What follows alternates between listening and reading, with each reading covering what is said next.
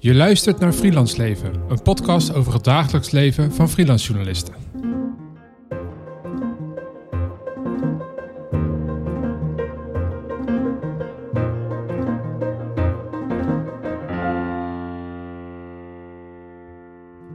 Uh, afgelopen november was ik in uh, Bosnië om een reportage te maken over vluchtelingen die daar um, ja, toch gewoon hele slechte omstandigheden zitten. Ik had begrepen dat er ongeveer 3000 mensen niet in een opvangkamp of uh, nou ja, gewoon geen onderdak hadden.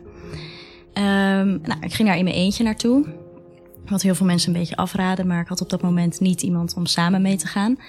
En nou, natuurlijk vond ik dat wel een beetje spannend. En mensen hadden me ook gewaarschuwd, hè, uh, doe voorzichtig. En uh, daarom was ik ook in het begin met een aantal organisaties mee op pad gegaan om een beetje de situatie te leren kennen.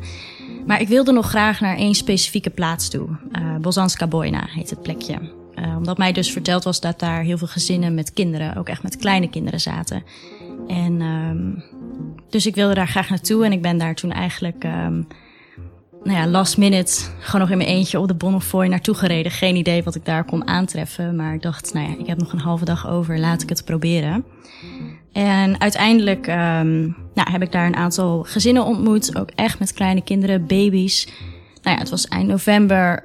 Um, het zou de komende week gaan vriezen, dus het was ook echt koud. En die kinderen vertelden ook over dat ze te maken hadden met geweld van de Kroatische grenspolitie. En dat maakte zoveel indruk op mij. En op dat moment had ik het emotioneel echt best wel lastig.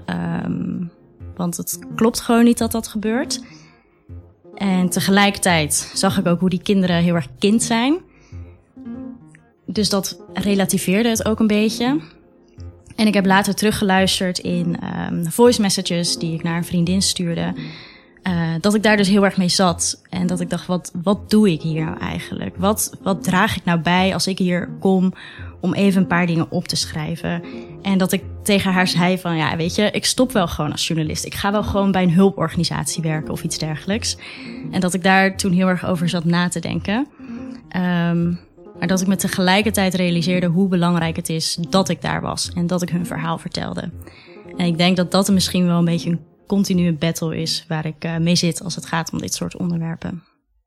Ja, indrukwekkende anekdote. En waarom ben je dan toch uh, journalist gebleven? Ja, want als we het niet weten met z'n allen, dan gebeurt er helemaal niks. Dus ik denk altijd wel dat dat de eerste, een van de eerste stappen naar een oplossing is. Dat er überhaupt over geschreven wordt, uh, dat er radioreportages gemaakt worden, dat er een film is of dat, er, dat mensen gewoon weten dat dit gebeurt in de wereld. En dat dat, dat is gewoon een van de belangrijkste taken van de journalistiek. En daarnaast denk ik dus ook dat je als journalist um, ook wel iets verder kan gaan dan dat. Maar alleen al het documenteren, dat is gewoon al super belangrijk.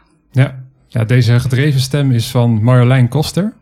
Je bent uh, freelance journalist. En zou jij uh, een korte versie van jouw cv kunnen geven, zodat de luisteraar een beetje weet uh, wat voor soort journalist je bent en wat je allemaal gedaan hebt?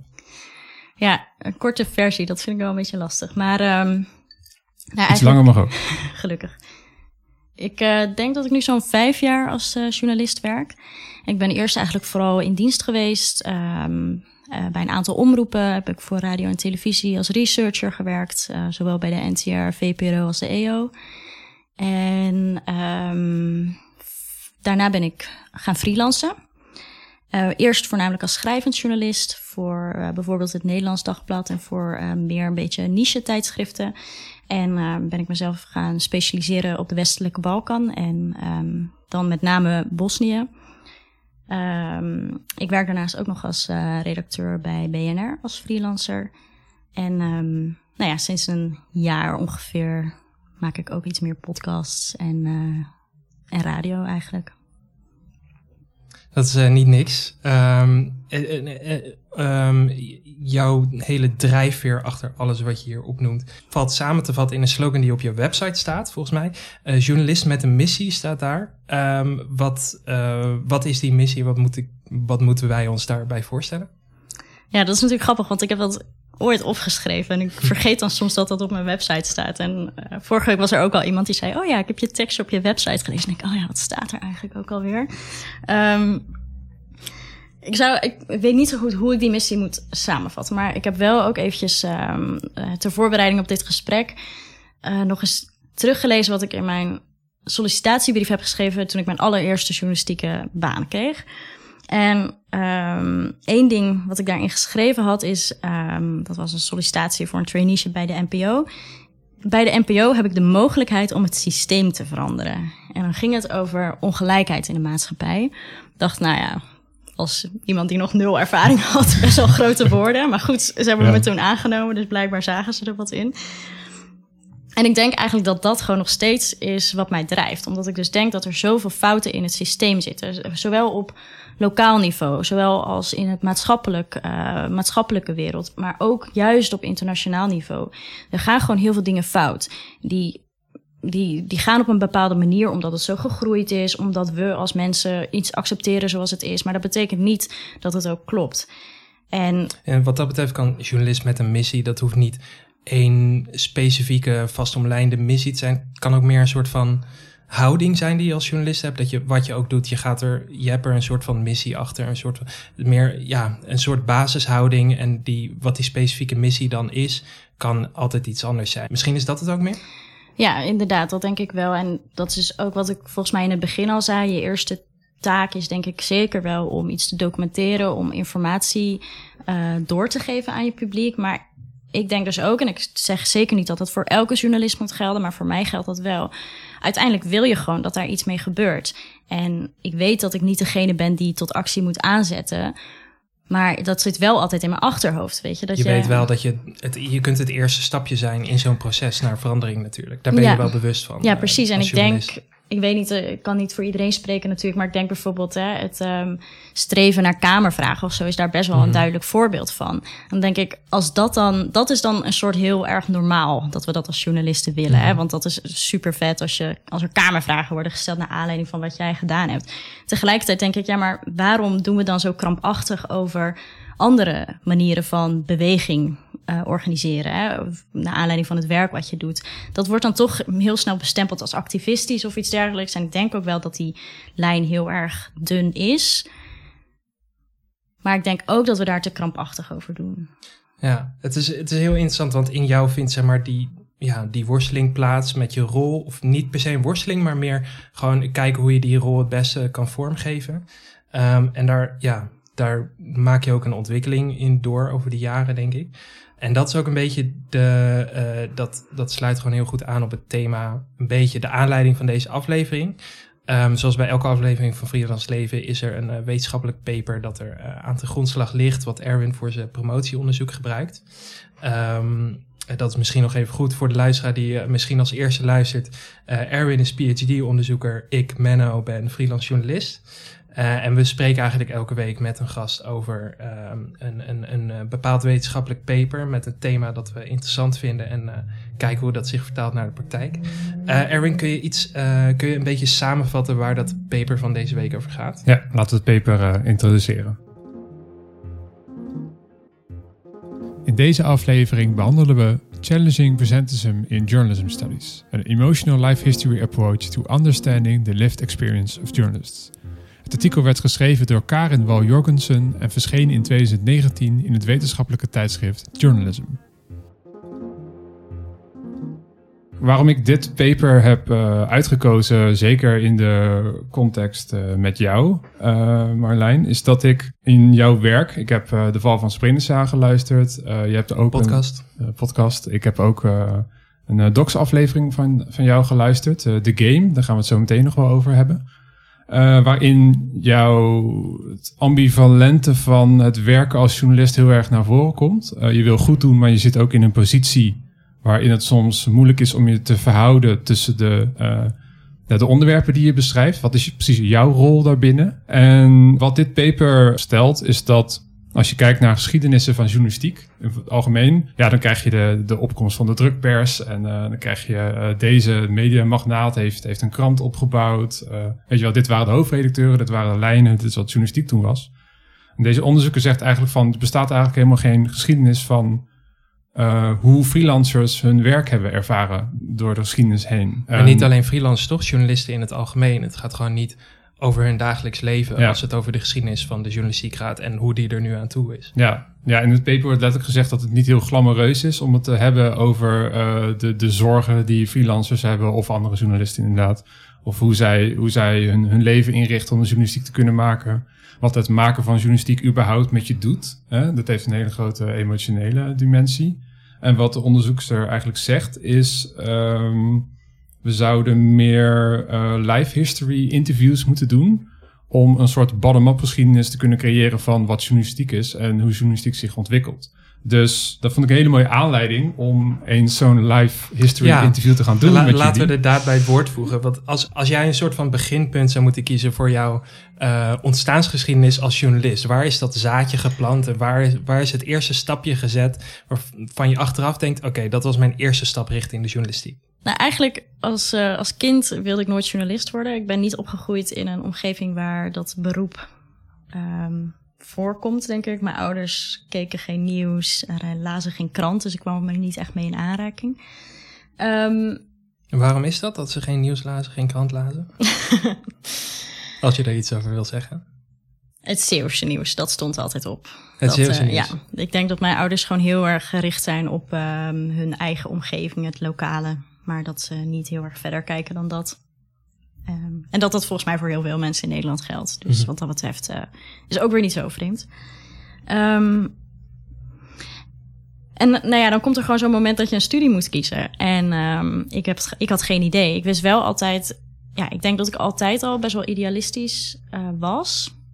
En dat ik heel erg bezig was met goed doen en iets betekenen. En nou ja, dan kan je natuurlijk heel veel verschillende kanten nog op. Ik bedoel, en, eh, ik had ook eh, dokter kunnen worden. Dan doe je al helemaal iets goeds. Maar ja, je moet natuurlijk ook kijken wat er bij je past. En ik, ehm, nou ja, ik ben toen eigenlijk gewoon eh, media, eh, communication en media gaan studeren. gewoon omdat het me interessant leek. En ik nog steeds geen idee had welke kant ik op ging. Daarna een master politieke communicatie. Omdat altijd, nou ja, dat is volgens mij waar die invloed plaatsvindt. Hè? Ehm, hoe, hoe komt bepaalde informatie over op publiek? Ehm, De meeste mensen die zo'n studie doen, politieke communicatie, komen dus of in de politiek terecht of gaan eh, iets met communicatie doen in de NGO-sector bijvoorbeeld, lobbyen, eh, op een bepaalde manier je invloed laten gelden. Ehm, op een gegeven moment heb jij dus toch de afslag naar de journalistiek genomen. Ja, klopt. Want ik, ehm, dat was gewoon niet een plek waar ik voelde dat ik iets kon betekenen. Ik, dat is voor iedereen anders, maar voor mij voelde heel die politieke arena toch als eh, niet oprecht. En ehm, te veel een spel, te weinig inhoud. En ehm, als journalist, en zeker als freelance journalist, ben je natuurlijk veel meer baas over wat, wat je daadwerkelijk de wereld inslingert. En ik weet nog wel dat ik heel erg twijfelde tussen, eh, moet ik inderdaad meer die politieke kant op? Eh, moet ik meer die NGO-kant op? Ik heb ook nog een tijdje bij een NGO eh, rondgesnuffeld. Of ga ik de journalistiek in? En wat mij vooral tegenhield om de journalistiek in te gaan, was gewoon dat ik niet echt die ingang had. Dus daardoor heeft dat denk ik ook iets langer geduurd voordat ik echt die kant op ging. Maar ik denk wel, het gemeenschappelijke van die drie is gewoon dat het plekken zijn waar je, waar je dus iets kan betekenen, waar je verandering kan bewerkstelligen. En dat is dan denk ik ook de voornaamste drijfveer voor mij om de journalistiek in te gaan. En dan heb je natuurlijk alle dingen daaromheen. Dat ik eh, het leuk vind dat het een eh, creatief beroep is. Eh, dat je vrij bent. ehm, dat je continu interessante mensen ontmoet. Dat je je eigen wereld verbreedt. Dus dat zijn aspecten die het dan specifiek voor mij een eh, hele leuke baan maken. Eh, maar daar aan ten grondslag ligt dus wel dat ik. eh, dat het een plek is waar ik denk dat ik iets kan betekenen. Waar komt die wil vandaan om iets goeds te willen doen?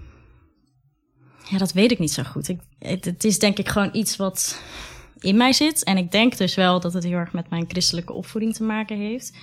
Eh, dat dat dus wel iets is wat ik heel erg om me heen zag. Hè? Dat mensen continu vrijwilligerswerk doen. Dat ze continu voor elkaar, eh, weet ik veel, ehm, als iemand ziek is, dat je soep gaat brengen. Of, dus dat is een soort de, de omgeving waar ik in ben opgegroeid. Dat je als kind ehm, gaat collecteren langs de deuren. Gewoon niet, dat is gewoon, gewoon normaal of zo. Je, je doet dat gewoon voor de ander, omdat je het zelf heel goed hebt. En ik denk dat daar dus ook wel iets Calvinistisch in zit. Dat, ehm, dat ik de hele tijd denk, ja, maar ik heb het zo goed. Eh, Ja. Het is niet echt Calvinistisch, maar meer... Meer een soort van, ja, dat klinkt misschien te negatief, maar schuldgevoel. Ja, wel een schuldgevoel, denk Ja, ik. Zo van, ik ja. heb het heel erg goed. hè, als je op wereldschaal bekijkt, nou, dan hebben we het in Nederland echt getroffen. Ja, horen we echt bij de beste Ja. 3 procent. en wat doe ik dan om dat een beetje te delen of zo? Ja, het is grappig de, eh, dat je dat zegt. Ik wist het al een klein beetje van jouw achtergrond. Ik heb zelf ook zo'n achtergrond. Niet, niet in Zeeland specifiek, maar wel een, eh, een christelijk milieu. En ik herken heel erg wat je zegt van... ehm, ja, een gevoel van verantwoordelijkheid. Iets voor mensen om je heen willen betekenen. En ehm, ehm, ja, een bepaald, ja, gewoon een bepaalde moraal. Eh, en ik denk dat dat toch wel echt aansluit op wat de journalistiek ook is. Ik denk dat veel journalisten ook wel iets sprekerigs hebben, bij wijze van spreken. Je wil graag ook eh, laten zien wat er, wat er fout gaat en wat er beter zou moeten. Ehm, waar, waar we als mensen tekort schieten, weet je wel. Daar is in het christendom heel veel aandacht voor, tenminste in de meeste stromingen. En daar gaat de journalistiek natuurlijk ook heel erg over. Gaat toch vaak over wat er misgaat in de wereld. Maar ook wel, ehm, eh, er zit ook iets idealistisch in natuurlijk. Van hoe kan het beter? En je wil ook laten zien vaak eh, wat er beter kan. Ehm, dus ja, ik denk dat, dat dat kan bijna niet anders, toch? Dan dat dat een, een vormende invloed op je beroep heeft en, en hoe je daarin staat. Ja, dat denk ik wel. Maar het is ook weer niet hoe elke journalist het beleeft. Eh, er zijn ook journalisten die doen gewoon hun werk eh, en die hebben minder een soort van... Ja, je hebt toch wel een spectrum van eh, journalisten die heel erg van de distantie, van de objectiviteit zijn. Wat trouwens ook heel goede en belangrijke waarden zijn. En mensen die meer de nadruk leggen op dat idealisme. Dan zit jij toch meer aan, de, aan die andere kant van het, eh, van het spectrum. Ja, en ik denk ook dus dat, eh, dat er niet één eh, plek op het spectrum is die goed is. Maar ik denk vooral ook dat we elkaar als journalisten daar niet op moeten aanvallen. Want nou, ik ben nu op een punt dat ik. Nou ja, ik zit hier bij die podcast, dus ik durf ook dingen te zeggen. Maar ik heb daar best wel lang, eh, vond ik dat lastig. Omdat als je zei, eh, ik ben vanuit idealisme dit vak gaan doen, dat je naïef genoemd wordt. Mhm. Of, oh, dat heb je weer zo'n jong meisje die denkt dat ze Mhm. iets kan Mhm. betekenen. Ja. Terwijl ik denk, ja, maar eh, waarom, waarom doe jij het dan? Weet je, wat, wat zitten we hier dan met z'n allen te doen? Is dit gewoon alleen maar een beetje tijd vullen? Je hebt toch altijd een bepaalde drijfveer waarom je het doet. Maar ik denk dus, ik heb dus het idee, en ik, misschien verandert het omdat mijn omgeving verandert. Maar vooral toen ik net begon, dacht ik echt van ja, er mag geen plek zijn voor dat idealisme. Terwijl dat begrijp ik eigenlijk niet zo goed. Heb je het idee dat dat inderdaad dan veranderd is in de laatste vijf à tien jaar in de journalistiek? Dat daar meer ruimte voor is? Voor iets idealistischer instelling? Ja, ik denk het wel, hè, want je ziet ook wel stromingen bijvoorbeeld van solutions journalism of constructive journalism. En dat is niet per se idealistisch, maar daar zit wel veel meer dat idee erachter van hey, eh, wat wij doen kan iets bijdragen. Eh, dat, dat, dat zijn volgens mij wel echt ontwikkelingen die de laatste ja, tien jaar misschien heel erg opkomen. En de laatste paar jaar ook echt in Nederland iets meer aandacht krijgen. Ehm, ik weet niet of het een generatieding is. Dat denk ik eigenlijk helemaal niet. Ik denk dat er eh, heel veel jonge journalisten zijn die nog steeds eh, zeggen van ja, maar hè, dit is gewoon, je moet gewoon de feiten brengen, klaar. En dat er ook heel veel oudere journalisten zijn die juist ook wel ehm, dat idealisme omarmen. Ehm, dus ik, ik weet niet of het echt een verandering is die plaatsvindt. Ik heb wel het idee dat onder invloed van populisme, om maar een cliché uit de kast te halen, maar door Trump en zo zijn journalisten toch wat meer gaan nadenken van, ja, waar staan we nou eigenlijk voor? Moet je het bijvoorbeeld benoemen als iemand liegt? Hè? Dat was een groot debat rond Trump en daar, dat is een vraag waar heel veel in meekomt, denk ik, van in hoeverre ben je er alleen om te beschrijven wat de werkelijkheid is en in hoeverre moet je mensen ook een beetje moreel door de wereld gidsen? ja, dat is eigenlijk ook weer de vraag van die bijna religieuze vraag van waar ben je als journalist voor op de wereld. Ehm, maar heb, heb jij eh, los van de omgeving of generaties of wat dan ook, heb jij ook in jezelf een ontwikkeling meegemaakt op dat punt dat je daar nog meer ehm, misschien naar de licht activistische kant bent gegaan of, of nog meer bent gaan inzetten op impact of nog meer eh, bent gaan streven naar die kamervragen bijvoorbeeld? Noem je me nou een activist? Dat is een beetje Dat een vies niet, woord, hè? Maar daarom zeg ik, ja, licht activistisch, ja. ja. Nee, ehm, Positief bedoeld. Nou, ik was dus inderdaad wel aan het nadenken, ook eh, ter voorbereiding van dit gesprek. En ik eh, had gisteren ook het paper eventjes doorgelezen. En ik dacht ehm, dat misschien wel, dus die eh, Docs, de game, waar ik eigenlijk ook heel erg reflecteer op wat de journalistiek is en wat mijn rol daarbinnen is. Ja, dat Dat was jouw radiodocumentaire Ja. over wat ook ging over wat je in het begin beschreef. precies. En je vindt hem in de show notes. Dat ik eh, misschien, en dat eh, wordt ook een beetje zo'n cliché ding, hoe ik dat dan nu ga zeggen, maar juist door een keer openlijk dat te zeggen en door die emotie toe te laten dat ik het idee heb dat ik het nu ook meer kan loslaten. Omdat daarvoor, en zeker, dat denk ik ook dat te maken heeft met dat je jong bent, dat je net begint in het vak, dat je nog heel erg nadenkt over wat vinden mensen ervan, hoe ik dat doe. Uh, dus hoe meer je jezelf ontwikkelt, hoe meer je daarin natuurlijk ook een bepaalde manier vindt om daarmee om te gaan. Maar dat ik denk dat ik uh, eerst ook heel erg bezig was met ik mag geen emotie hebben. En ja. dus als ik het wel heb, dan doe ik het dus verkeerd. En dat ik steeds meer uh, accepteer voor mezelf dat die emo emotie er is. En dat ik het ook um, eigenlijk denk dat het een uh, toevoeging kan zijn op de journalistiek, op de mediaproducties. Uh, dat het ja, bijna een soort dat je het omarmt of zo. Of tenminste dat ik het niet meer erg vind. En dat je daardoor juist ook beter ermee om kan gaan.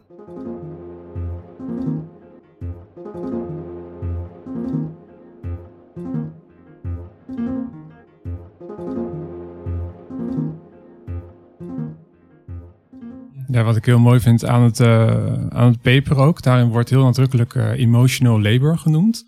Uh, als iets wat naar, naar voren komt bij dit soort ja, life history interviews. En dat het een beetje ondergeschoven kindje is binnen het hele discours over praten over journalistiek. Want als het gaat over, nou, jij werkt als journalist, dan, dan gaat het toch wel vaak over van, nou, hoe interview je mensen? hoe werk je een verhaal uit? Hoe werkt storytelling? Weet je, allemaal van dat soort hele praktische zaken. Deze dimensie is iets wat heel veel journalisten denk ik wel zullen uh, herkennen. Um, en wat ik wel mooi vond aan het paper is dat, dat daar ook heel nadrukkelijk wordt benoemd dat het een hele soort, soort, soort basiswaarde van de journalistieke ideologie volgens velen. Hè, we kunnen het uren over hebben over journalistieke ideologie, maar een van de basiswaarden is dat je een objectieve beschouwer zou moeten zijn. Um, maar dat, dat correspondeert natuurlijk helemaal niet met dat alle journalisten mensen zijn, uh, in situaties komen uh, waar ze uit idealisme, zoals, uh, zoals jij ook, Marjolein, naartoe gaan om het verhaal te vertellen. Dus wat je dan krijgt is de emotional labor. In dat geval is dat je, jij jouw emoties moet onderdrukken. Wat dan zijn tol heft op jouzelf als individu. en waar ook nog eens op neergekeken zou kunnen worden door andere journalisten, omdat je objectief zou moeten zijn. Dus, dus uh, daarom vond ik het ook belangrijk om dit paper, om hier een hele, hele uh, aflevering aan te wijden. Omdat uh, ja, het vergt gewoon een tol als je, als je heftige verhalen naar buiten wil brengen. En ook, dat vond ik wel mooi in, in de game, in die, in die radiodocumentaire gaat het ook over dat jij, je volgt dan een jonge vluchteling. En je, je bouwt daar ook een band mee op. En dat is dan natuurlijk ook emotional labor. Omdat je af gaat vragen hoe gaat het. Uh, je, je omschrijft dat je heel veel uh, filmpjes van hem krijgt. Uh, op een gegeven moment zit er een, zit er een reflectie in van jou. Dat je zegt van ja, ik, ik kom iets halen, maar ik geef niks. Kan je omschrijven hoe jij dat dan hebt ervaren? De, al die emotional labor in jouw werk? Ja, wat ik dan soms lastig vind, um, dat het heel erg voelt alsof je mensen gebruikt. Hè? Mm. Dit was een um, ehm, 16-jarige Afghaanse jongen. Die, um, ja, hoe zeg je dat? Heel goed past in, het, uh, in, het, in een plaatje van een sympathieke vluchteling. Hij is mediageniek, zeg je in die documentaire. Ja, dat is hij zeker. En dat merkte ik dus ook, hè, want hij was met heel veel journalisten in contact. Mm. Ook omdat hij een van de weinigen was die gewoon heel goed Engels sprak. Dus ja. dat is ook, als journalist kom je dan bij dat soort personen uit. Ja. Um, maar ja, hij geeft mij best wel veel, weet je. Hij deelt continu informatie met mij. Hij um, laat zien waar hij is. En, en dan voelt het best wel van... oh ja, ik gebruik dat eventjes voor mijn product... wat ik maak, waar ik geld mee verdien ook nog eens. Um, tegelijkertijd is het natuurlijk dus ook wederkerig. Want hij, nou ja, hij hoopt natuurlijk dat, dat het iets doet. Weet je, hij deelt die informatie niet omdat hij gewoon denkt: Oh, ik, heb, ja, ik vind het leuk om informatie te delen. Ik denk ook niet dat ik me illusie moet gaan maken dat ik een hele hechte vriendschap met hem heb opgebouwd. Het is, het is misschien een vorm van vriendschap, maar zeker niet ja, vergelijkbaar. Het is nog steeds deels transactioneel. Ja, dat denk ik wel. En um, het is niet dat ik dan bijvoorbeeld, hè, want ik heb hem zelfs een telefoon gegeven. En um, ik had op een duur gewoon een oproepje geplaatst of mensen oude telefoons over hadden. Uh, omdat telefoons van um, vluchtelingen die daar zitten heel vaak kapot gemaakt worden door de politie. Terwijl een telefoon super belangrijk is om überhaupt GPS, om te weten waar je naartoe moet, om informatie te krijgen. Dus ik had gewoon een oproepje geplaatst van wie heeft er een uh, oude telefoon over. Nou, ik heb meerdere gekregen. En dat, nou ja, dat denk ik, dat is volgens mij binnen de journalistiek echt iets super ehm, controversieels. Hè? Want je betaalt Ja, nooit want het een... idee is dat je interviewees mag je niet betalen, Precies. want dan krijg je niet meer een authentiek verhaal. Dan gaat Ja. iemand misschien jou naar de mond praten. Precies, dat en dan soort ga je dingen. misschien het verhaal beïnvloeden. Ja. Dus nou, ik heb daar best wel over nagedacht. Moet ik dat nou wel doen? Eh, en moet ik dat dan inderdaad in zo'n docs ook wel neerzetten? Tegelijkertijd dacht ik, ja, maar dit is dus de realiteit. En als ik met andere journalisten spreek die, over dit soort onder, die met dit soort onderwerpen bezig zijn, zegt iedereen, ja, tuurlijk betaal ik af en Dit- toe een buskaartje. Dit soort dingen gebeuren volgens mij continu, maar het Ja. Is een soort van frowned upon. Dus je spreekt daar niet over. Maar ja, het is ook bijna onmenselijk om je alleen maar in zo'n situatie als die stereotype, neutrale, afstandelijke beschouwer op te stellen. Want dan word je een soort robot. En dat, dat is al niet meer menselijk als je in een vluchtelingenkamp zit, weet je wel? Dat, Nee, precies. dat is ook raar. Ja, dus het is, het is, ik denk gewoon dat ja, ik ben daar als journalist, maar ik ben daar ook als mens. En ik ben daar niet om ze te redden, ik ben daar niet om ze te helpen, maar dat betekent niet dat je niks kan doen. Ehm, zolang je je journalistieke werk goed doet. ja, Ja. dat denk ik dus wel. En ik denk dus ook inderdaad, ehm, nou ja, jij bent, ik denk, een belangrijke eigenschap van journalisten is gewoon dat je eh, bepaalde sociale voelsprieten hebt. Dus dat je ook echt wel aanvoelt wanneer eh, zo iemand nog oprecht is. Of wanneer zo iemand alleen maar informatie geeft om iets te krijgen van jou. Want dat heb ik ook heus wel eens meegemaakt. Dat, ik, dat je gewoon voelt van hmm, deze persoon voelt niet helemaal oprecht. Of eh, deze persoon vraagt wel heel vaak: heb je nog een telefoon voor mij? Mhm. Dus dan begint het een beetje, beetje te, te, te schuren. Ehm, maar het het, is- ja. Het is wel mooi dat je, dat je het is een soort metadocumentaire eigenlijk. Hè? Je vertelt het verhaal, maar je vertelt ook een verhaal over hoe jij het verhaal vertelt. En in de introductie zegt de stem die de aflevering introduceert van Misha Melita, met wie jij ook de prachtige podcast eh, De Val van Srebrenica hebt gemaakt. Ehm, die zegt van, nou ja, eh, Marjolein vecht om haar verhalen onder aandacht te brengen, maar misschien vecht ze nog wel harder om niet cynisch te worden. En daar zei je net ook al iets over van, wat is nou uiteindelijk toch wat jou over de streep trekt eh, om dit werk te blijven doen? Ehm, wa- waardoor blijf je toch die motivatie behouden? Is dat omdat het gewoon geen optie is om het niet te doen? ja, dat is het voor mij echt. Ja, daar komt het op neer. Ja, en dat, weet je, ik vind dat altijd een beetje gek, want het is echt niet, eh, dan, weet je, dan ga je bijna een beetje doen alsof het een heel nobel iets is. En volgens mij kwam dat ook in het paper terug. Hè? Woorden als een roeping en dat het heel nobel is. En Ja, Dat- niet alleen dit paper hoor. Eh, nee, dat dacht ik ook. ik, ik ben echt heel veel surveys aan het lezen natuurlijk. En, eh, en, en echt bijna in bijna alle westerse landen komt terug die, die grote, grote ideologische deken die bijna over mensen heen hangt. Ja, Van, eh, Maar waar- waarom, is dat, waarom is dat erg dan? Om, om journalistiek als iets nobels te zien of Ja, een soort van opoffering? het voelt dan alsof je jezelf een beetje verheft boven iets Ja. of zo. Tenminste, zo voelt dat voor mij tenminste. Ja, dat, was, dat is natuurlijk ook not done in het milieu waar wij uitkomen. Om maar even wat meer psychologie van de koude grond erin te gooien. Ja, maar eh, ik denk wel. eh, ze, hè, en ik denk, er zijn eigenlijk twee voorbeelden. Misschien kunnen we daar nu ook wel iets meer naartoe gaan. Dus zowel ehm, eh, verhalen over vluchtelingen als eh Srebrenica, Mhm. waar ik heel veel mee bezig ben. Ja. Het zijn allebei onderwerpen. Als je er eenmaal in zit, dan kan je gewoon niet zomaar je ogen sluiten en weer doorgaan met iets anders. Juist omdat ik zie dat er zoveel onrecht is en dat er zo, zoveel misgaat ook nog. En dan, nou ja, als ik, ik kan heus wel, weet je, ik ben er ook weer niet continu mee bezig. Hè? Ik, ik doe ook heel veel lichtere dingen die helemaal niet eh, emotioneel zwaar zijn. Maar als ik dat doe, eh, ja, er komt toch altijd wel weer iets waarvan ik denk, oh ja, ik moet, ik moet echt weer eventjes hierin duiken. En ik kan het gewoon niet loslaten, want er gaat te veel mis en, en er is te weinig aandacht voor. Dat denk ik ook zeker. Ehm, Voor, voor het vluchtelingenvraagstuk en voor Srebrenica allebei. Ja, en ik weet niet, ja, ik weet niet hoe jullie dat zien, maar hè, want soms lijkt het een beetje alsof we vluchtelingen moe zijn. Dat, eh, en dat heb ik dus ook ervaren, dat redacties helemaal niet zoveel zin hebben in weer een verhaal over vluchtelingen. Maar Mhm. dan denk ik, maar beseffen we wel wat daar gebeurt? Hè? Het is gewoon een, ehm, een onderdeel van de EU, Kroatië. Mensen die daar werken voor de eh, politie, die dus met publiek geld gewoon mensen mishandelen. En niet een beetje mishandelen, maar zwaar mishandelen. En dat gebeurt aan, aan onze EU-grenzen. En wij financieren dat gewoon indirect. En dan, Ja, hoe? ja ik, ik wist dat niet totdat ik jouw eh, Docs-uitzending eh, luisterde. Had ik geen idee. En ik, ik googelde ook nog inderdaad even van Kroatië. Ja, dat is inderdaad gewoon EU. Ehm, dat, dat is natuurlijk een absurd idee. En op een gegeven moment beschrijf je ook dat er uh, kamervragen worden gesteld. Volgens mij ook specifiek over die grenspolitie, toch? En, en hoe ze zich gedragen.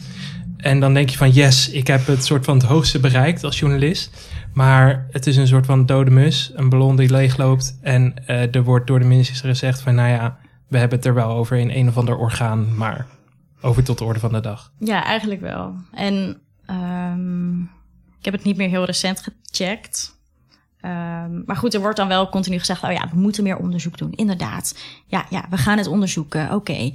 Uh, we gaan geld beschikbaar stellen om een controlemechanisme te bouwen. En, maar het zijn allemaal loze beloftes. En hmm. um, ik denk dus dat er gewoon veel meer nodig is om daar verandering in te brengen. En wat ik wel weer mooi vond en wat mij ook heel erg steunt, als we het dan ook weer specifiek hebben over emotional labor, is dat. Um, uh, wat was het, drie weken geleden of zo, dat er ook een, um, filmploeg van de VRT, ja, volgens, ja film en radio, die uh, waren in datzelfde gebied. Die hebben hele uitgebreide reportages gemaakt hierover. Um, hè, en aan de ene kant kan ik dan cynisch zijn van, hè, hè, komen ze er ook eindelijk? Want het speelt echt al heel erg lang. Tegelijkertijd um, denk ik, ben ik vooral blij dat er dan eindelijk aandacht komt door een groter medium. Ja. Um, en heb ik ook uiteindelijk ook nog um, daar een kleine bijdrage aan gedaan. En heb ik ook contact gezocht met die journalisten zonder dat ik ze kende.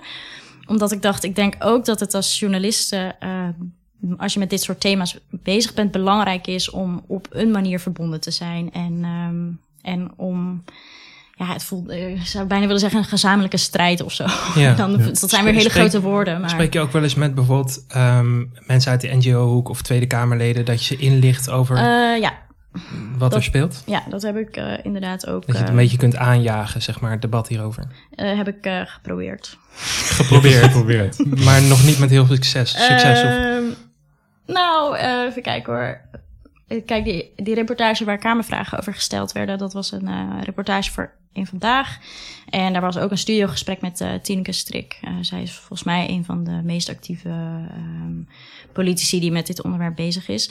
En ik heb toen wel contact met haar gezocht en ja. Ik weet, dus niet echt per se, per se een doel dan, want ik bedoel, zij doet het al, maar wel om een soort verbonden te zijn en te weten dat je met z'n allen hiermee bezig bent.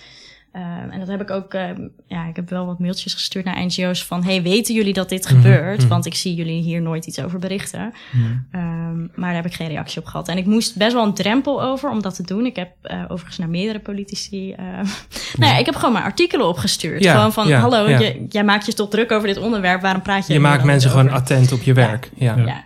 Maar dus wel van, is dit wel mijn taak als journalist? En mhm. tegelijkertijd dacht ik, ja, wat maakt het mij eigenlijk uit? Ja, wat, wat maakt het mij nog eigenlijk uit? Maar je bent dus eigenlijk de grenzen aan het verkennen van hoe, hoe ver je zelf in, ja, hoe je je wil opstellen als journalist om uh, wat, wat voor jou ethisch verantwoord voelt en waarmee je tegelijkertijd impact kunt maken. Dat is het eigenlijk. Ja, dat denk ik wel. En ik, ik denk dus dat we daar um, te moeilijk over doen met z'n allen. Uh, ik doe er dus ook nog een beetje te moeilijk over, mm. omdat het voelt alsof het niet geaccepteerd is. Uh, en het zou fijn zijn, denk ik, als we met z'n allen daar iets vrijer over kunnen praten, wat we nu al doen. Bij deze. Uh, maar ook als we gewoon um, met z'n allen daar iets ruimer over kunnen nadenken. En ik ben dus eigenlijk ook wel benieuwd, want volgens mij hebben jullie allebei ook wel eens met het thema vluchtelingen, dat jullie daar mee bezig zijn geweest, toch? Ja, wel eens, maar lang geleden hoor. En voor mij was dat ook wel een moment dat ik dacht van... Uh, achteraf kijk ik nou terug van... ja, ik zou dus niet wat kunnen doen wat jij doet. Je, zo regelmatig onderdompelen in die ja, ellende gewoon. En, en de uitzichtloosheid. Maar waarom niet? Ja, ja. Um, misschien omdat ik er toch wat, wat gevoelig voor ben. Um, en dat ik... Uh, het is ook gewoon een beetje hoe het is gelopen hoor. Ik ben, ik ben me gewoon op een gegeven moment in andere onderwerpen gaan verdiepen. Uh, die ik ook maatschappelijk relevant vind. Dus ik voel niet per se de urge om de meest heftige dingen op te zoeken, zeg maar. Um, maar ja, ik ben denk ik toch bang op hoe ik daar zelf op zou reageren. Hoe, wat dat met mij persoonlijk zou doen. En um, dat ik het niet zo goed aan zou kunnen, uh, basically. Ja. Want ik ben wel heel benieuwd hoe dat voor jou is. Zulke zware onderwerpen ehm, eh, steeds meer ook eh, dat je je daarmee bezighoudt, steeds diepgaander. Ehm, eh, op een gegeven moment die podcastserie over Sprenica, dat is denk ik ook een soort kroon op, op je carrière tot nu toe misschien. Ja, dat is ja, genomineerd zeker. voor een tegel. Heeft veel losgemaakt, veel reacties gekregen. Over een ontzettend heftig onderwerp ook. Jullie hebben daar gesproken met nabestaanden. Jullie zijn daarheen geweest. Hebben de overblijfselen, de sporen, de littekens van die eh, eh, genocide gezien. Ehm, eh, en ik, ik vind het dus heel indrukwekkend, vooral omdat je dus freelancer bent. Dus je hebt weinig financiële zekerheid. En je ziet niet vaak dat mensen die zich met deze thema's bezighouden, ehm eh, freelancer zijn. Volgens mij, misschien zit ik Ja, naast ik ben hoor, het maar daar oorlogsverslaggevers niet helemaal mee eens. Eh, de meeste oorlogsverslaggevers zijn freelancers op het moment. En Toch wel, je ziet toch wel dat ook, ook uit interviews voor het Nieuwe Journalist eh, en, en ook, ook Ja, eh, andere surveys zie je steeds weer terug dat juist eh, docu- grote documentaires, grote eh, dit soort series, ja, dat is waar natuurlijk. die zijn, worden juist door eh, freelancers gemaakt. Kijk, of dat financieel en, en voor de veiligheid van oorlogsverslaggevers en, en, en dat soort journalisten, of dat een goed idee is, dat is natuurlijk een hele andere discussie. Mhm. Maar je kan er eigenlijk, dus als ik zou moeten wedden, donder op zeggen dat ik zag, ik zag, ik zag die doc- documentaire, weet je wel, eh, de val van Srebrenica, en, je- en dan denk je gelijk, oh, dit zijn freelancers.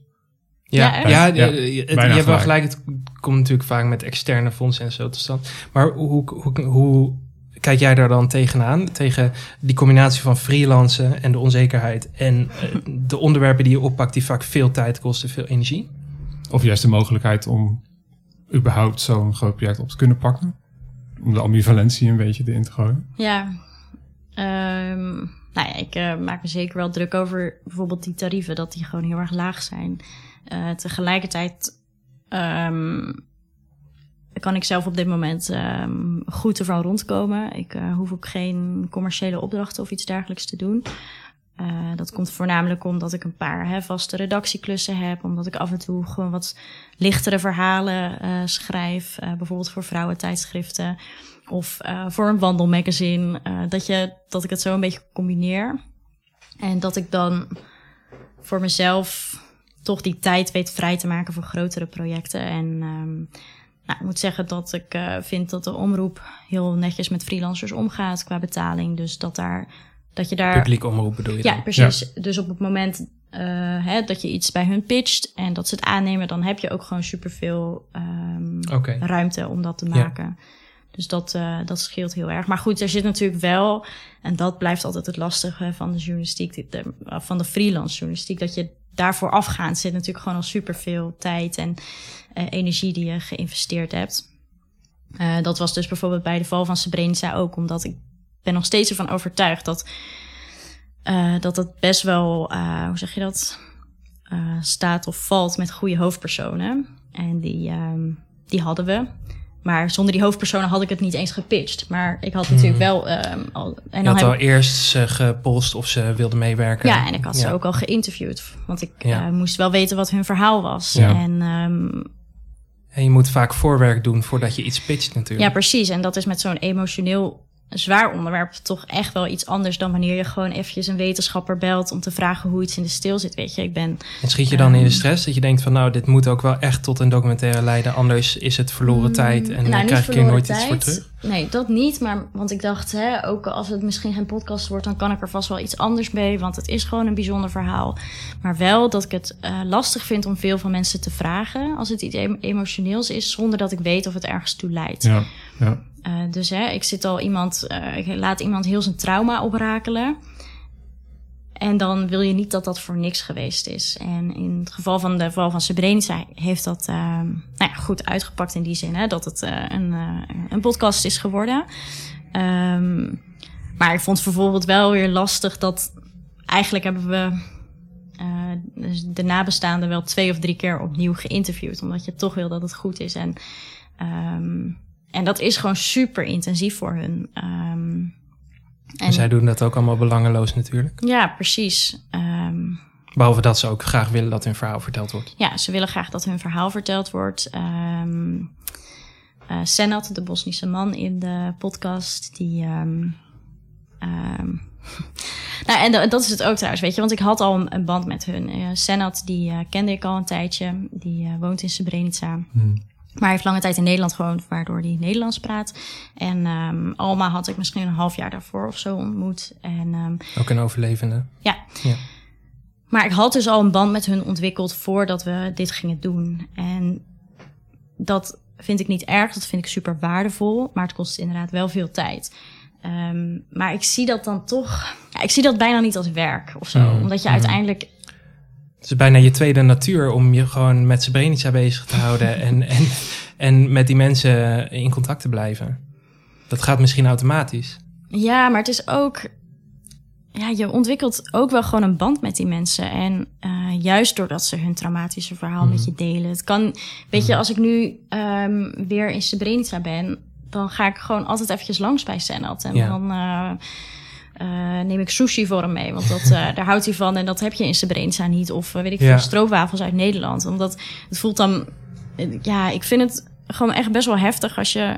En sommige mensen hebben er ook geen behoefte aan, hè. Dus Mhm, het is mhm. ook echt niet dat Ja. ik zeg dat het zo moet. Maar voor mij voelt het gewoon van... ehm wij hebben iets opgebouwd en het is heel gek als ik nu gewoon jou nooit meer zie of zo. Maar het, het verzacht denk ik ook voor jezelf de klap van het emotionele werk dat je erin stopt, zeg maar. Het is niet alleen maar narigheid en trauma's en ehm, je ongemakkelijk voelen bij je rol als journalist. Maar het, het is dus ook prettig. Het is fijn om met die mensen ehm, eh, te spreken. Het is fijn dat je weet dat je vaste adresjes hebt als je naar Srebrenica toe gaat. Nou ja, en ik denk dat het verhaal er beter van wordt. Als je, ja, Ja, als je iemand ja, ook als niet eendimensionaal... Ja, Ja, je- oprechtheid kan je niet, eh, kan je niet faken. nee. En dat krijg je alleen uit mensen als ze zich veilig voelen. Precies, en ik denk ook dat mensen het voelen als jij daar als geheide journalist komt. En helaas hebben gewoon heel veel, eh, zeker als het gaat met het onderwerp Srebrenica, maar ook als het gaat over vluchtelingen, hebben gewoon echt heel veel nare ervaringen met journalisten die Mhm. ehm, hebben bijvoorbeeld. Eh, wat kan ik. Nou ja, oké, één voorbeeld, want laten we dan nu even bij Srebrenica houden. Eh, dat iemand vertelde dat ze eh, met een aantal Dutchbatters terug waren naar Srebrenica. Ze gingen naar de memorial, dus waar al die mensen begraven liggen. En dat, nou ja, ze komen daar aan, super heftig voor die ehm, mannen die daar voor het eerst terugkomen. Die zien wat daar gebeurd is, dat daar nou ja, meer dan 6000 mensen begraven liggen. Ik denk, dan geeft die persoon even, even een momentje. Maar blijkbaar zijn er dan dus ook journalisten, en dit was al een paar jaar geleden, die dan gelijk naar zo'n Dutch Better toe gaan. En, en wat voel je nu? Oh ja, en eh, voel, je, voel je je nu schuldig dat Ja, jij dit gedaan Ja, hebt? die Ja. gaan sportjournalistiek doen in een oorlogsgebied. Ja, en dat. Nou, ik, dan, dan denk ik, dan behandel je zo iemand dus niet meer als mens. Als je zo jezelf opstelt tegenover iemand die ook daar met zijn emoties zit. En dat kan, op een ander moment kan je dat prima doen, maar op zo'n moment vind, ja, moet je gewoon even een stap terugnemen. Over, over die Dutch Bed is gesproken. Je vertelt ook in je Docs documentaire dat er vaak door redacties gevraagd wordt naar een Nederlandse haakje. Eh, of een Nederlander die ergens met vrijwilligerswerk bezig is of iets dergelijks. Ehm, dat, dat klonk niet heel positief. Het klonk redelijk frustrerend. Heb- maar heb je over het algemeen het gevoel dat er voor jouw soort verhalen, voor jouw onderwerp in de Nederlandse journalistieke infrastructuur genoeg ruimte is ehm, om eh, ja, het soort journalistiek te bedrijven wat jij bedrijft? Ehm, nou, het mag wel meer. Ehm, ik denk überhaupt als het gaat om buitenlandse onderwerpen dat er gewoon super weinig ruimte is bij redacties. Ja. Ehm, en ik vind wel dat Nederland best wel naar, ja, naar binnen gekeerd is. Dat we heel erg naar onszelf kijken. En dat moet ook. Maar ik denk ook dat we, heel, dat we onze blik wat meer kunnen verbreden. En meer kunnen kijken, hey, wat speelt er in de rest van de wereld. Ehm, Ja, ik heb het idee dat het de afgelopen weken bijvoorbeeld meer over Pieter Omtzigt ging dan over de hele rest van de wereld bij elkaar, zeg maar. Gewoon, ja, dat zou wel goed kunnen. Ja. dat zou, zou je eigenlijk voor de grap een keer moeten uitrekenen, maar Hebben jullie gezien dat Ja. Cristiano Ronaldo twee cola flesjes opzij heeft? Zeker, dat heb ik gezien. Dat was, eh, dat in was mijn wat, hè? gezicht geslagen. Ja. ik weet niet, misschien valt het juist wel onder de noemer buitenland. Ik wil nog heel even naar eh, jouw dagelijkse praktijk. Want we zitten natuurlijk heel erg op het grote, de grote structuur nu. Eh, dus als ik het goed begrijp, eh, probeer jij natuurlijk zoveel mogelijk eh, de val van Srebrenica-achtige producties te maken. Tegelijkertijd doe je ook andere dingen. Is dat dan noodzaak om dat te doen? Om, om, het, om het voor jezelf rond te breien? Of vind je het fijn om, om, die, om die ja, die verschillende soorten werkzaamheden te doen? Hoe zie je dat zelf? Ehm, nou, ik zie het niet als noodzaak. Het is misschien wel, nou ja, ik weet niet eens of het begonnen is als noodzaak. Ehm, het is denk ik een beetje tweeledig. Dus het is inderdaad fijn als je iets meer financiële zekerheid hebt. Dus als je wat vaste opdrachtgevers hebt waar je regelmatig dingen voor kan doen. Dat, uh, hè, dat herkennen jullie vast wel. Daardoor krijg je ook meer ruimte in je hoofd om over andere dingen na te Ja, denken. Want als je zeker. continu bezig bent, hoe kan ik mijn huur betalen? Of straks mijn hypotheek. Dan, eh, dan, dan verlam je. Tenminste, dat, dan, ik heb dan dat ik verlang. Verlam me. Ehm, maar ik vind het ook leuk om, het, eh, om dingen af te wisselen. En ehm, om af en toe met iets minder zware onderwerpen bezig te zijn. En, dat, en ik leer er ook zeker van. Hè? Want je, ehm, hè, vrouwenbladen, dat wordt misschien soms een beetje als minderwaardig gezien onder serieuze journalisten. Maar ik vind het super leuk om. Je leert eigenlijk ook heel erg om voor een andere doelgroep te schrijven, Mhm. bijvoorbeeld. En dus ik, ja, ik vind het leuk en ik leer ervan. En het is eh, financieel fijn. Eh, het enige wat ik wel denk, kijk, het zou super zijn als ik ehm, iets meer, zeg maar, als het niet meer hoefde. En nu denk je nog wel van, oh ja, het moet ook wel financieel. En het zou heel fijn zijn als ik het iets minder zou kunnen doen en iets meer op grote ehm, projecten zoals een- deze podcast of zo'n docs te kunnen focussen. Ja, dus in principe dat je het allebei doet is prima. Alleen de balans mag net Ja. iets meer Ja, aangescherpt dat worden. denk ik wel, ja. En stel nou dat je een aanbod krijgt van een dagblad of een mooie omroep eh, om daar in vaste dienst te gaan en je met deze onderwerpen bezig te houden. Wat doe je dan? Weet ik niet zo goed. Ik, eh, ja, ik vind het, het is ook een beetje een scenario waarvan ik denk, ja, gaat nooit gebeuren. Ik wou, ik wou net zeggen, eerst knijpen, kijken of je niet droomt. Ja. Ja. ja, precies. Eh, ja, als ik eh fulltime betaald word om alleen maar hiermee bezig te zijn, ja, tuurlijk wil ik dat. Ja, ja maar gaat denk ik niet gebeuren. Nee, maar eh, je zegt dus wel heel duidelijk, ondanks dat je dus blij bent met wat je nu doet, blij bent over het algemeen met de balans, je hecht erg aan die vrijheid, zei je. Ondanks dat zou je dus toch nog wel in vaste dienst gaan. Redelijk, redelijk zonder nadenken, als ik het zo hoor. Mm, ja, maar dan denk ik ook wel weer, vaste dienst is natuurlijk ook, ja, je kan altijd ook weer weg of zo. Oh ja, ja. Ik denk wel dat. ehm ja, ik zeg het nu wel heel makkelijk. Maar ik, ja. Wat ik wel heel erg heb en waarom ik ook echt freelancer ben, is omdat ik het heel lastig vind om iets uit te voeren wat iemand anders bedacht heeft. Omdat ik toch denk, ja, mijn naam staat erbij. Mhm. Dus het, eh, maar goed, ik hoor heel vaak wel van eh, mensen die in dienst zijn. En zeker als het over buitenlandonderwerpen gaat, dat daar best wel veel vrijheid is. Eh, maar ik zou het heel moeilijk vinden om eh, als een krant zegt: eh, wij willen een verhaal over dit en dit. En als ik denk, ja, maar ik vind het gewoon geen goed verhaal. Of ik vind deze persoon dat hij geen podium verdient. Ik zou het heel moeilijk vinden om uit te voeren. Ja, wat dat betreft is freelancer toch wel ideaal voor eigenwijze Ja. mensen die gewoon hun Ja. eigen... Wat ook wel, wel heel vaak zo'n vrij harde doen we nu ook wel een beetje natuurlijk. Hè? Zo'n harde dichotomie gemaakt tussen van aan de ene kant heb je freelancers, de freelance wereld, aan de andere kant heb je de vaste dienstwereld. En, en de vaste dienstwereld heeft het allemaal prima voor elkaar, want die hebben gewoon geld en het is allemaal, allemaal top. Maar ja, als je kijkt naar literatuur over precariteit in de journalistiek, dan zie je dat bij journalisten in vaste dienst is de werkdruk ook heel hoog eh, geworden. Omdat er natuurlijk steeds minder journalisten zijn die nog veel meer content moeten maken dan dat ze vroeger deden.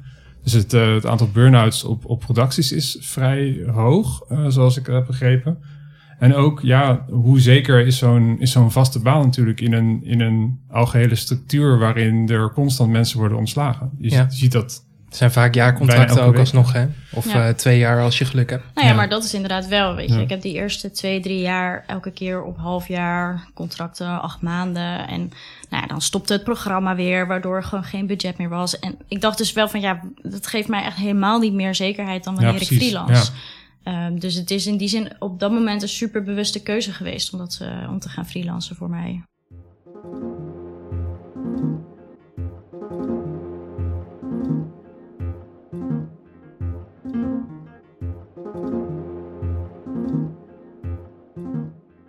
Wat ik als laatste nog zou willen bespreken is, je begon eh, helemaal aan het begin al, zei je van eh, dat je in je eentje naar een gebied was gegaan waarvan je omgeving zei van, eh, hè, kijk je uit. Eh, je bent natuurlijk freelancer. Wat, wat heb jij geregeld voor het geval eh, als er iets, iets fout met je gaat, iets mis met je gaat? Ja, eigenlijk niks. Nee. Ja. En dat, is niet goed, denk Dit ik. is geen, dit is geen oordeel hoor.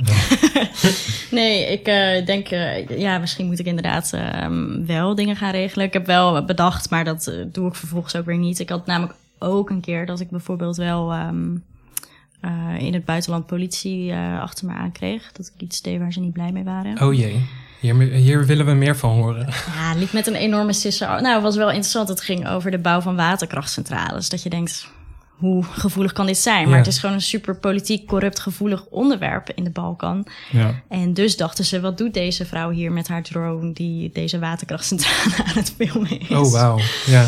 Ehm, nou ja, ik was met lokale mensen en die zeiden, nee, nee, nee, ze is student, ze is student. Dus toen gingen ze weer weg. Maar ik dacht wel... Was je ook student toen? Of? Nee. Nee. Maar ik dacht wel, stel dat er nu iets gebeurd was. Ik had aan, eigenlijk aan niemand, niet eens aan mijn vriend laten weten waar ik precies was. Ik was in een, ehm eh, een of ander nationaal park eh, waar ik geen internet had of iets dergelijks. Dus ik, ik dacht, ik werd me toen wel weer even bewust van, oh ja, eigenlijk moet ik, als ik inderdaad alleen op pad ga of ergens waar ik niet bereikbaar ben, even een locatie of zo doorgeven. Dat mensen in ieder geval weten waar ik ben. Maar Ja. dus dat, daar moet ik, dat moet ik eigenlijk veel meer doen. En dat, ehm, ja. En qua, qua algehele verzekeringen, een, een arbeidsongeschiktheidsverzekering of broodfonds of zo? eh, Eh, nee, heb ik ook niet. Ehm, maar ga dus een huis kopen. We hebben een hypotheek. dat is ook een soort levensverzekering, of eh, een soort eh bestaanszekerheid. Nou ja, en dan is het dus inderdaad wel, eh, hè, zeker als je het eh, samen koopt, is het wel zo eh, aardig tegenover mijn vriend dat ik een arbeidsongeschiktheidsverzekering neem. Anders moet hij de hypotheek Hele gaan betalen hypotheek als ik ziek word. Ja. Dus ik ehm, wil dat wel gaan gaan regelen. Maar dat, ja. Nou, ik heb wat dat betreft wel een tip, niet per se voor jou, maar gewoon voor iedereen die luistert. Ik heb wat dat betreft wel een tip.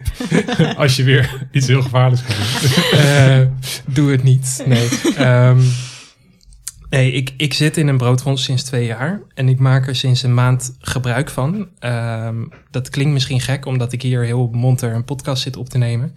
Maar in de vorige aflevering vertelde ik al even dat ik ehm hersenschudding heb opgelopen, 3,5 maand geleden. Ehm, en inmiddels eh, is eh, de diagnose postcommo- postcommotioneel syndroom. En dat betekent eigenlijk dat de symptomen van een hersenschudding niet overgaan. En dat ik de meeste dagen van de week ehm, hoofdpijn heb en misselijk ben. Eh, vooral die misselijkheid is nogal irritant, want ehm, dan, dan kun je eigenlijk niks gewoon lekker doen. En, en ehm, eh, van een uurtje werken wordt het twee keer zo erg, zeg maar. Dus dat beperkt mij enorm. Ehm, na eer, eerdere opname van deze podcast hadden we ook al afgezegd. Gelukkig kon het vandaag wel. Ehm, wat ik nu heb gedaan is dat ik me voor 50% eh, heb ziek gemeld bij mijn broodfonds. Dus dat ik nog een beetje aan het werk kan blijven, maar ook een beetje eh, gesteund word daarvan uit. Ehm, voelde me er best bezwaard bij, maar wel echt heel blij dat ik het gedaan heb. Ook eh, blij dat ik twee jaar geleden die keuze heb gemaakt. Anders had ik nu toch wel nog veel meer stress gehad van hoe moet het nou verder de komende tijd. Ehm, nou denk ik daar sowieso wel over na van, goh, is het een, een verstandig idee om over deze, met deze podcast door te gaan? Want nou ja, het is ook voorbereiding en het is vervelend als je moet afzeggen eh, voor degene die ja, die maand aanschuift. Ehm, dus ja, het is heel, eh, heel meta. Het is eh, hashtag freelance leven meta edition. Ehm, maar ja, de, de, het positieve eruit is in ieder geval dat ik dat broodfonds heb. Zou jij nog iets willen, willen delen met de luisteraars? Nou, het is wel een beetje aan bod gekomen, maar dat ik dus ehm, hoop dat we als journalisten ook elkaar daar dus niet op aanvallen. En dat we ruimte bieden voor iedereen om op zijn manier met, het, Mhm. met daarmee om te gaan. En ehm, Elkaar niet de maat nemen. nee, precies. En dat ik, tuurlijk is het super belangrijk dat je emoties niet je werk beïnvloeden of dat, dat je daardoor niet beperkt wordt. Maar dat betekent volgens mij gewoon niet dat je ze niet hoeft te hebben. En, ehm, en dat betekent ook niet dat je ze niet ook mag gebruiken op bepaalde momenten. En ik hoop dat we daarin ehm, iets milder worden naar elkaar toe. Ja, een beetje losweken van die, eh, van die, van die stevige journalistieke ideologieën die toch wel, eh, toch wel je- invloed heeft. Want heb je het eh, idee dat dat nu, eh, ja, dat mensen elkaar nu dan wel vliegen afvangen? Dat, dat we daar elkaar wel te veel de maat nemen nog? Ehm, ja, ik ervaar dat zelf niet. Eh, niet dat ik me kan herinneren in ieder geval. Maar ehm, Ja, als je op Twitter kijkt of zo, zie je het natuurlijk best veel gebeuren. Nou, wel gewoon, weet je, dat je als uh, deugdjournalist wordt neergezet of Mhm. activistisch Ja. of zo. En ik denk er is helemaal geen nut in om elkaar dat soort dingen te verwijten. Ehm, en ehm, zolang je wel gewoon je journalistieke eh, Ja. normen en waarden handhaaft. En zolang je geen leugens verkondigt, Mhm. maar eh, achter de waarheid staat. En dat is dus denk ik ook Zolang altijd als het, bent. als het over dit soort onderwerpen gaat. Ik denk, ik sta, ik maak me druk over het feit dat er universele eh, wetten niet worden gevolgd. Dat eh, mensen zich verzetten tegen rechtsuitspraken. En als ik me daar, daar mag, mag je je dan bijna niet druk over maken, omdat je dan activistisch genoemd wordt. Terwijl Mhm. ik denk, ja, maar het is gewoon de Het zijn wet. toch redelijk basale dingen. Mensenrechten. mensenrechten, ja. ja. Ja. En ik vind het echt heel kwalijk dat ook... Ik vind het kwalijk dat de maatschappij ehm, dan vindt dat ik misschien geen goede journalist of activistisch ben. Maar ik vind het eigenlijk nog kwalijker als journalisten dat tegen elkaar zeggen. En ik Ja. hoop dat dat... eh, Het houdt misschien ook goed, goed werk tegen. Dat soort ideeën. ja, dat denk ik wel. Ja. Nou ja, het is hartstikke mooi. Juist, jij bent er juist heel transparant over in die documentaire. Reflecteer je daarop. Dus wat dat betreft ben je ook een open boek. En ik kan, eh, ja, je, je kan iemand moeilijk nog eh, van beschuldigen van een soort van dubbele agenda of, of verkeerde intenties als je daar ook zo open over bent. En dat is volgens mij, ja, geeft dat juist ook vertrouwen ook bij, de, bij het publiek. Ik eh, hoop het. Nou, dankjewel dat je, dat je mee wilde doen. Heel erg bedankt. Heb jij dit nou gehoord als luisteraar en wil je een reactie achterlaten? Dan kan dat naar contact.freelanceleven.nl. En al het werk eh, wat we hebben besproken van Marjolein, dat kan je vinden in de show notes. Of twitteren onder de hashtag freelance leven natuurlijk. Freelance Leven wordt mede mogelijk gemaakt door het Lira-fonds Reprorecht. Mijn promotieonderzoek, dat ten grondslag ligt aan deze podcast, wordt mogelijk gemaakt door Stichting Democratie en Media en het Stimuleringsfonds voor de Journalistiek. Wij zijn er volgende maand weer met een nieuwe aflevering. Tot dan!